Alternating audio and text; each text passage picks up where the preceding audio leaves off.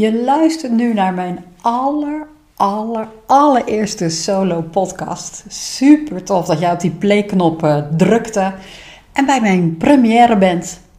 Mijn naam is Natasja Hogeboom en in deze eerste aflevering is het onderwerp werken met stress. En je hoort het goed, werken met stress. Dus niet werken zonder stress, maar werken met stress.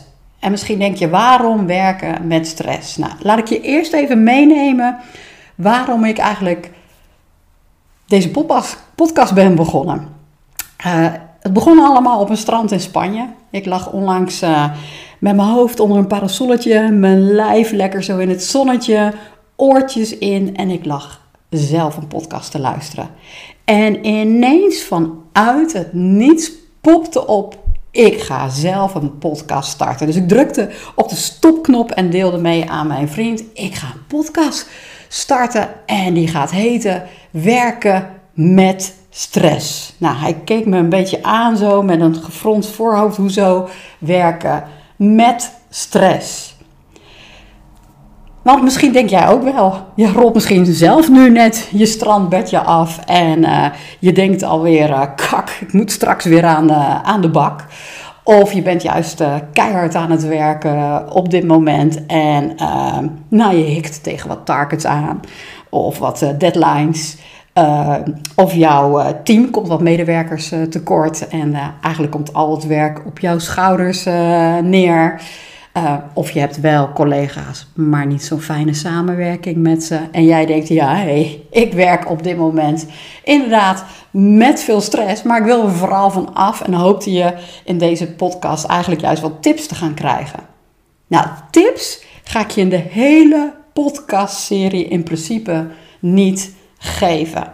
Want als tips zouden werken, als tips zouden werken, dan zou jij volgens mij ook helemaal geen stress hoeven te hebben. Want dan zou ik zeggen, struin even social media af. En uh, daar vind je heel veel stappen, plannen en allerlei tools en techniekjes om van je stress af te komen. Maar ze werken niet, hè? Ze werken in ieder geval niet voor iedereen en ook niet in ieder moment. En hoe komt dat nou? En in deze podcastserie gaan we ook echt even op een andere manier kijken. Dus we gaan niet de inhoud in Ehm, wat er nou toch allemaal uh, gedacht uh, wordt, maar veel meer dat er gedacht wordt. Want in mijn ogen, en ik gooi hem er gewoon meteen in, is het echt een misverstand dat jij stress krijgt door jouw werk. Dat jij stress krijgt door die collega's die er wel of niet zijn en waar je wel of geen fijne samenwerking mee hebt. Je krijgt ook geen stress van dat target wat op dit moment niet behaald wordt. En ik weet dat dat gek klinkt, want ik heb slapeloze nachten gehad in een periode dat onze targets niet behaald werden. Ik heb slapeloze nachten gehad omdat ik juist door aan het werken was om op tijd aanbestedingen af te krijgen. En in die periode dacht ik ook echt wel dat dat allemaal voor stress zorgde. Maar het is echt een misverstand dat jij door jouw werk stress krijgt. En ik ga het je toelichten. Eh, vlak voor deze opname vroeg ik aan iemand in dit gebouw: wat komt er in jou op als ik vraag: wat is voor jou werkstress? Wat is voor jou werkstress? Wat komt dan als eerste in jou op? En wat zij toen antwoordde is: ik zie meteen een computerscherm voor me en de angst om het fout te doen. Er zitten twee dingen in die ik super interessant vind. Bij haar popt dus een computerscherm in haar op. En dat roept bij mij ook een beetje de vraag op: wat verstaan we nou eigenlijk onder werk? Wat verstaan we nou eigenlijk onder werk? Is dat dus een computerscherm? Nou, misschien luister jij nu naar deze podcast en werk jij in de zorg, of sta je voor de klas, of ben je net zoals ik trainer ja, dan zit je niet zoveel eh, achter die computerscherm. En is het eigenlijk wel die computerscherm die stress geeft? Ik bedoel, het is eigenlijk maar een monitor. Het is een soort tv-scherm. En als ik vanavond thuis ben en ik zit daar misschien een YouTube-filmpje te bekijken... of uh, ik kijk naar Bed and Breakfast vol liefde via mijn computer... krijg ik daar dan stress van? Dus het is niet een computerscherm zelf die jou stress geeft en wat jouw werk is. Misschien roept dat nu de vraag op is het dan de locatie.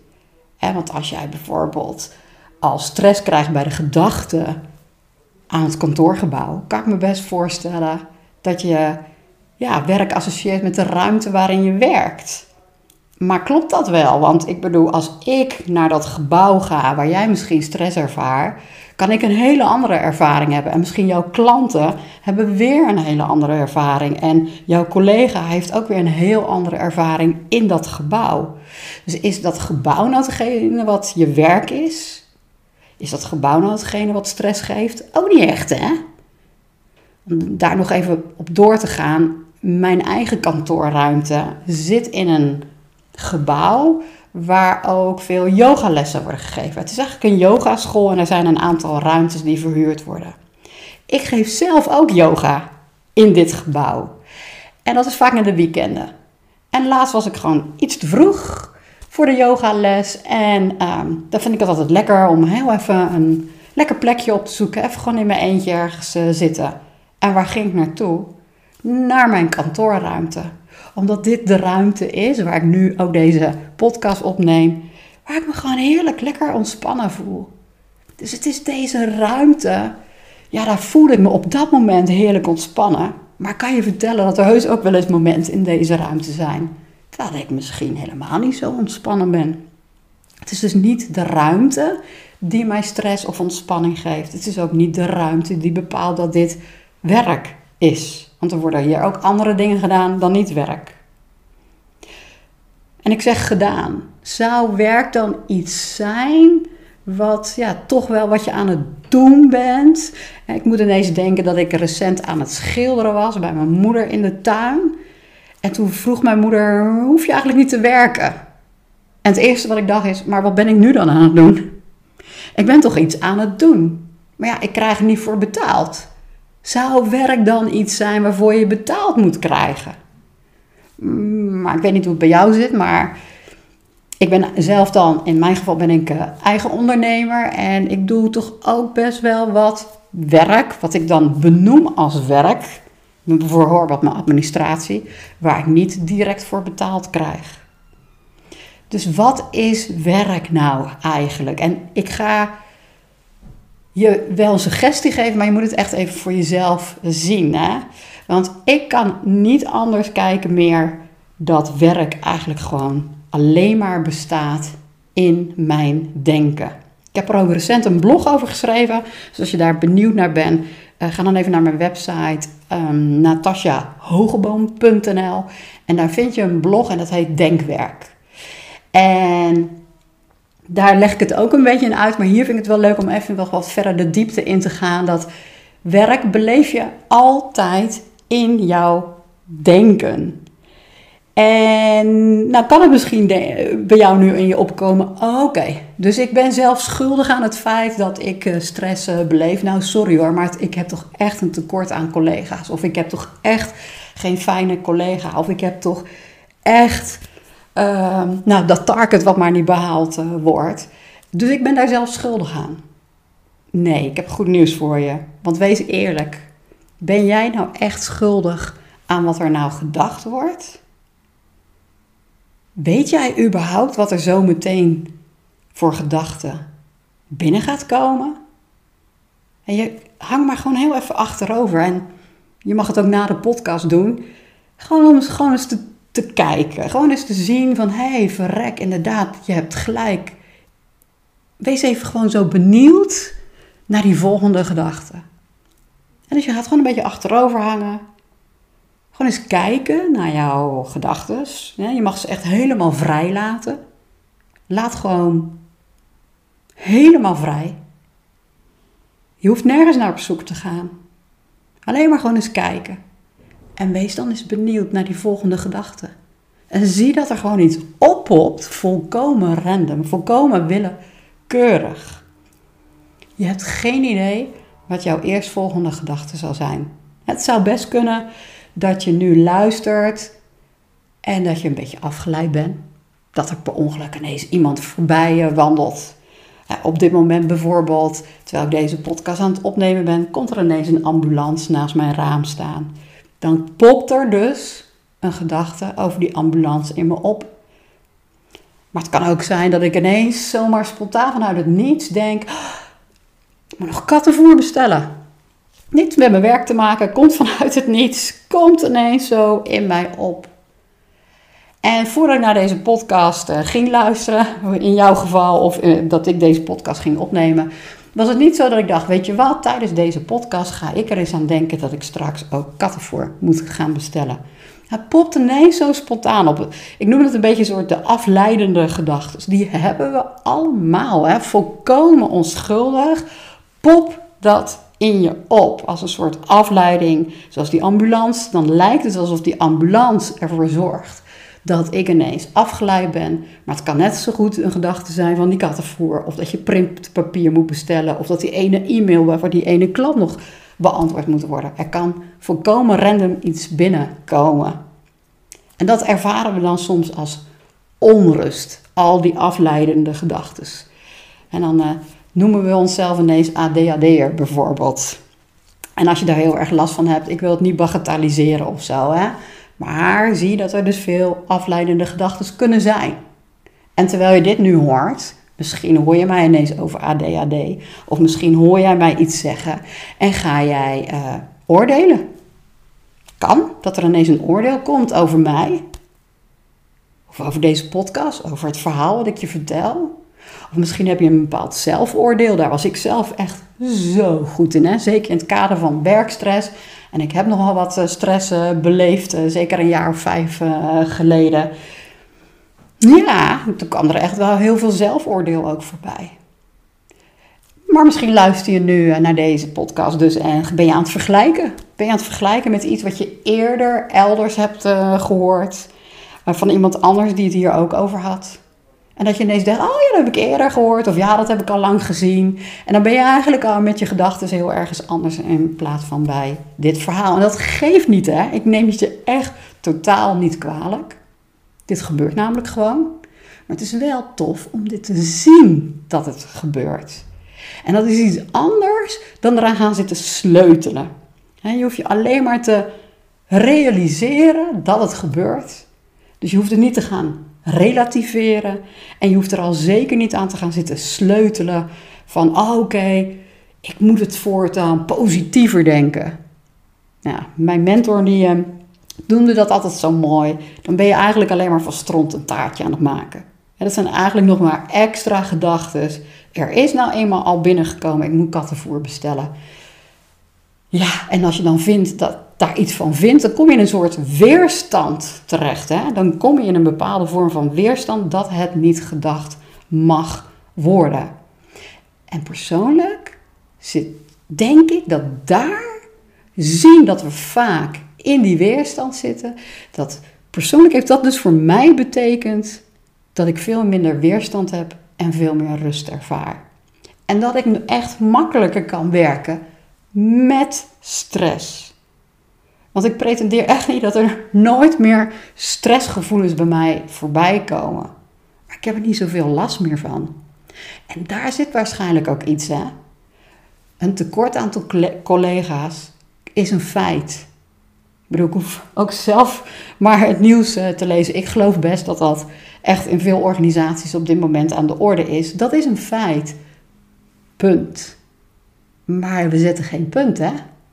We maken een komma en vervolgens komen er allerlei bijzinnen erachteraan, wat dat dan allemaal wel niet betekent. En daar komen ze, dan komen de oordelen.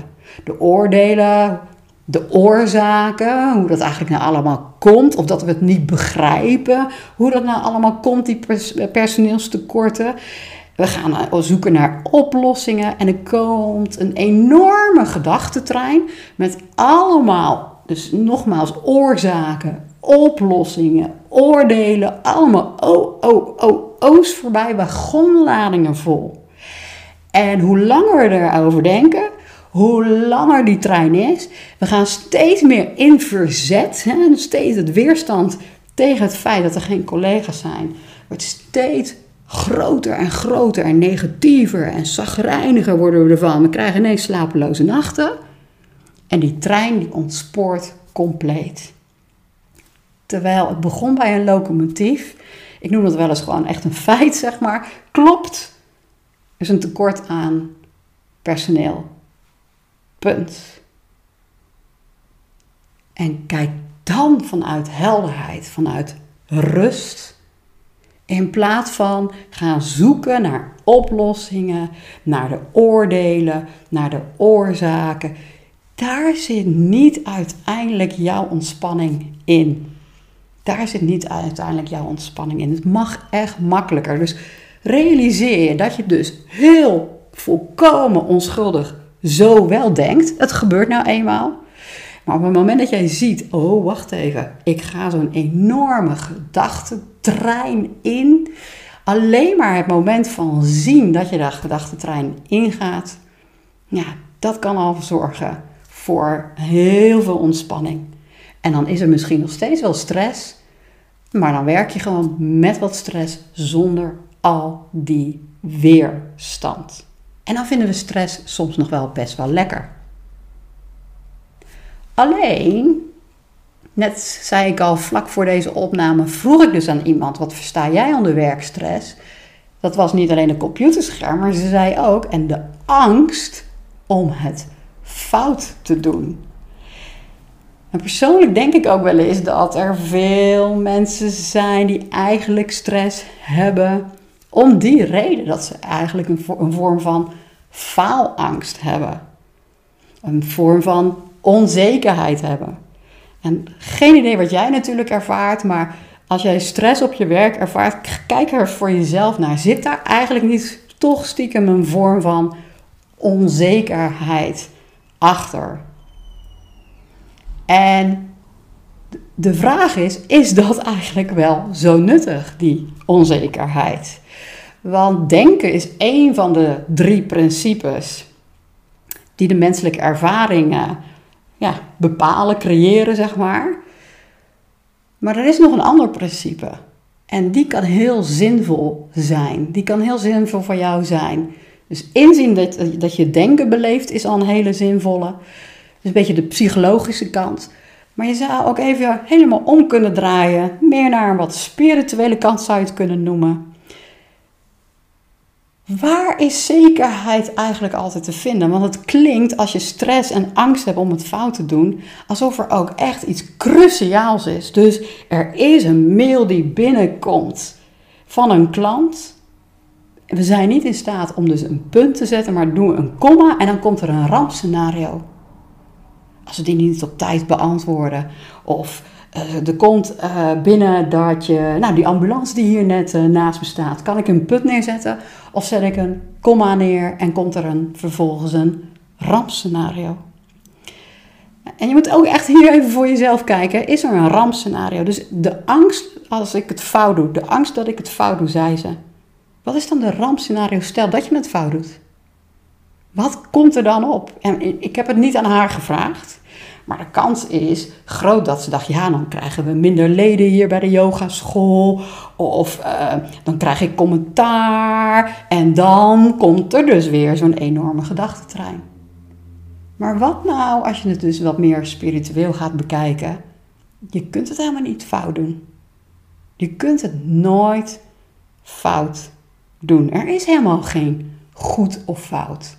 Voordat jij ging denken, voordat er betekenis gegeven wordt aan zo'n mail, aan zo'n ambulance, aan deze podcast, aan mijn stem, voordat jij daar betekenis aan geeft, was er geen goed of fout. Was er echt helemaal niets. En tegelijk is dat niets voor mij het alles. Al onze ervaringen, die komen vanuit een soort van niets. Hè? Ik, ik noem het zelf heel vaak out of the blue.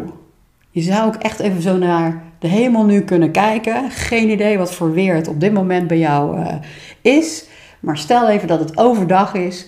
Dan is er sowieso achter die wolken een immens blauwe lucht. En misschien is het nu op dit moment bij jou al helemaal blauw. En dat is een beetje metaforisch. Er is altijd een blauwe lucht die oneindig is, die niet beet te pakken is. Ongrijpbaar, vormloos noemen we dat ook wel eens in de drie principes. En in die lucht, in die ruimte, wat als kan voelen als een soort stilte, als een soort van leegte. Maar in die ruimte, vanuit dat niets, poppen er wolken op. Poppen er dus gedachten op. En die willen beleefd worden. Die willen beleefd worden. Dus die, sommige gedachten die zijn heel zwaar en donker. Dus misschien wel wat angstig of wat verdrietig. Van die regenachtige wolken. En soms zie je van die mooie, fluffy wolken. Maar daar hebben we geen niet zo last van. Hè? Dan zien we daar ineens ook mooie vormen in. En die zien we ook heel helder met die zon erop. Met die zon erop. Nou, dit is echt metaforisch voor wat die drie principes nou eigenlijk beschrijven. Waarin jij mij de komende afleveringen meer over zal horen praten. Ben je nu al nieuwsgierig naar die drie principes? Ga dan gerust even naar mijn website natasjahogeboom.nl. Daar kun je namelijk een e-book downloaden en daar leg ik al wat meer uit over wat die drie principes nu zijn. Dus de drie principes, even voor de zekerheid, is, is, zijn niet drie stappen naar werken met stress. Het zijn niet drie stappen uh, over werken zonder stress. Het zijn zeker geen, dus zijn absoluut geen stappen, zeker geen stappen van drie stappen naar geluk. Maar ze beschrijven echt alleen maar hoe onze menselijke ervaringen gecreëerd worden. En vooral ook wat je ware natuur is. En hoe meer en meer jij dat gaat herkennen, dan maakt het helemaal niet uit of er nou wel of geen stress is. De kans is wel groot dat jouw gedachtentreintjes een heel stuk korter gaan worden. En als je het gevoel hebt, oh, hier wil ik echt een cursusje over doen, want ik heb echt nog budget om me persoonlijk te gaan ontwikkelen, luister dan zeker ook naar aflevering 2, waar het thema is persoonlijke ontwikkeling. Want waar komt toch die drang vandaan om ons persoonlijk te ontwikkelen? En hoe ontwikkel je jezelf nou echt? En het tipje van de sluier, dat zit hem niet in het opvolgen van tips, tools of technieken die voor anderen werkten. Ik hoop dat je genoten hebt van deze eerste aflevering. En met een podcast nog zonder naam. dus gewoon vanuit natasjahogeboom.nl. Het zou het super tof vinden als je het leuk vindt om even een review wat te geven. Want ik heb begrepen hoe meer mensen in het begin dat al doen, des te beter dat uh, uh, is voor de ranking blijkbaar in de podcast-apps. Dus je mag gewoon, als je dat wil, in jouw favoriete podcast-app een reactie geven. Daar help je mij mee. Maar ik ga toch ook zonder jouw reactie de, nog zeker een stuk of zeven afleveringen maken. En daarna ga ik verder kijken wat ik met deze podcast ga doen. Dus stel dat jij een vraag hebt, dat je denkt een mooi thema hebt bijvoorbeeld, of een vraag hebt, stuur hem naar contact.natasjahogeboom.nl En uh, dan uh, behandel ik hem misschien wel een keertje in een podcast. Dank je wel dat je luisterde naar deze eerste. En tot de volgende over persoonlijke ontwikkeling.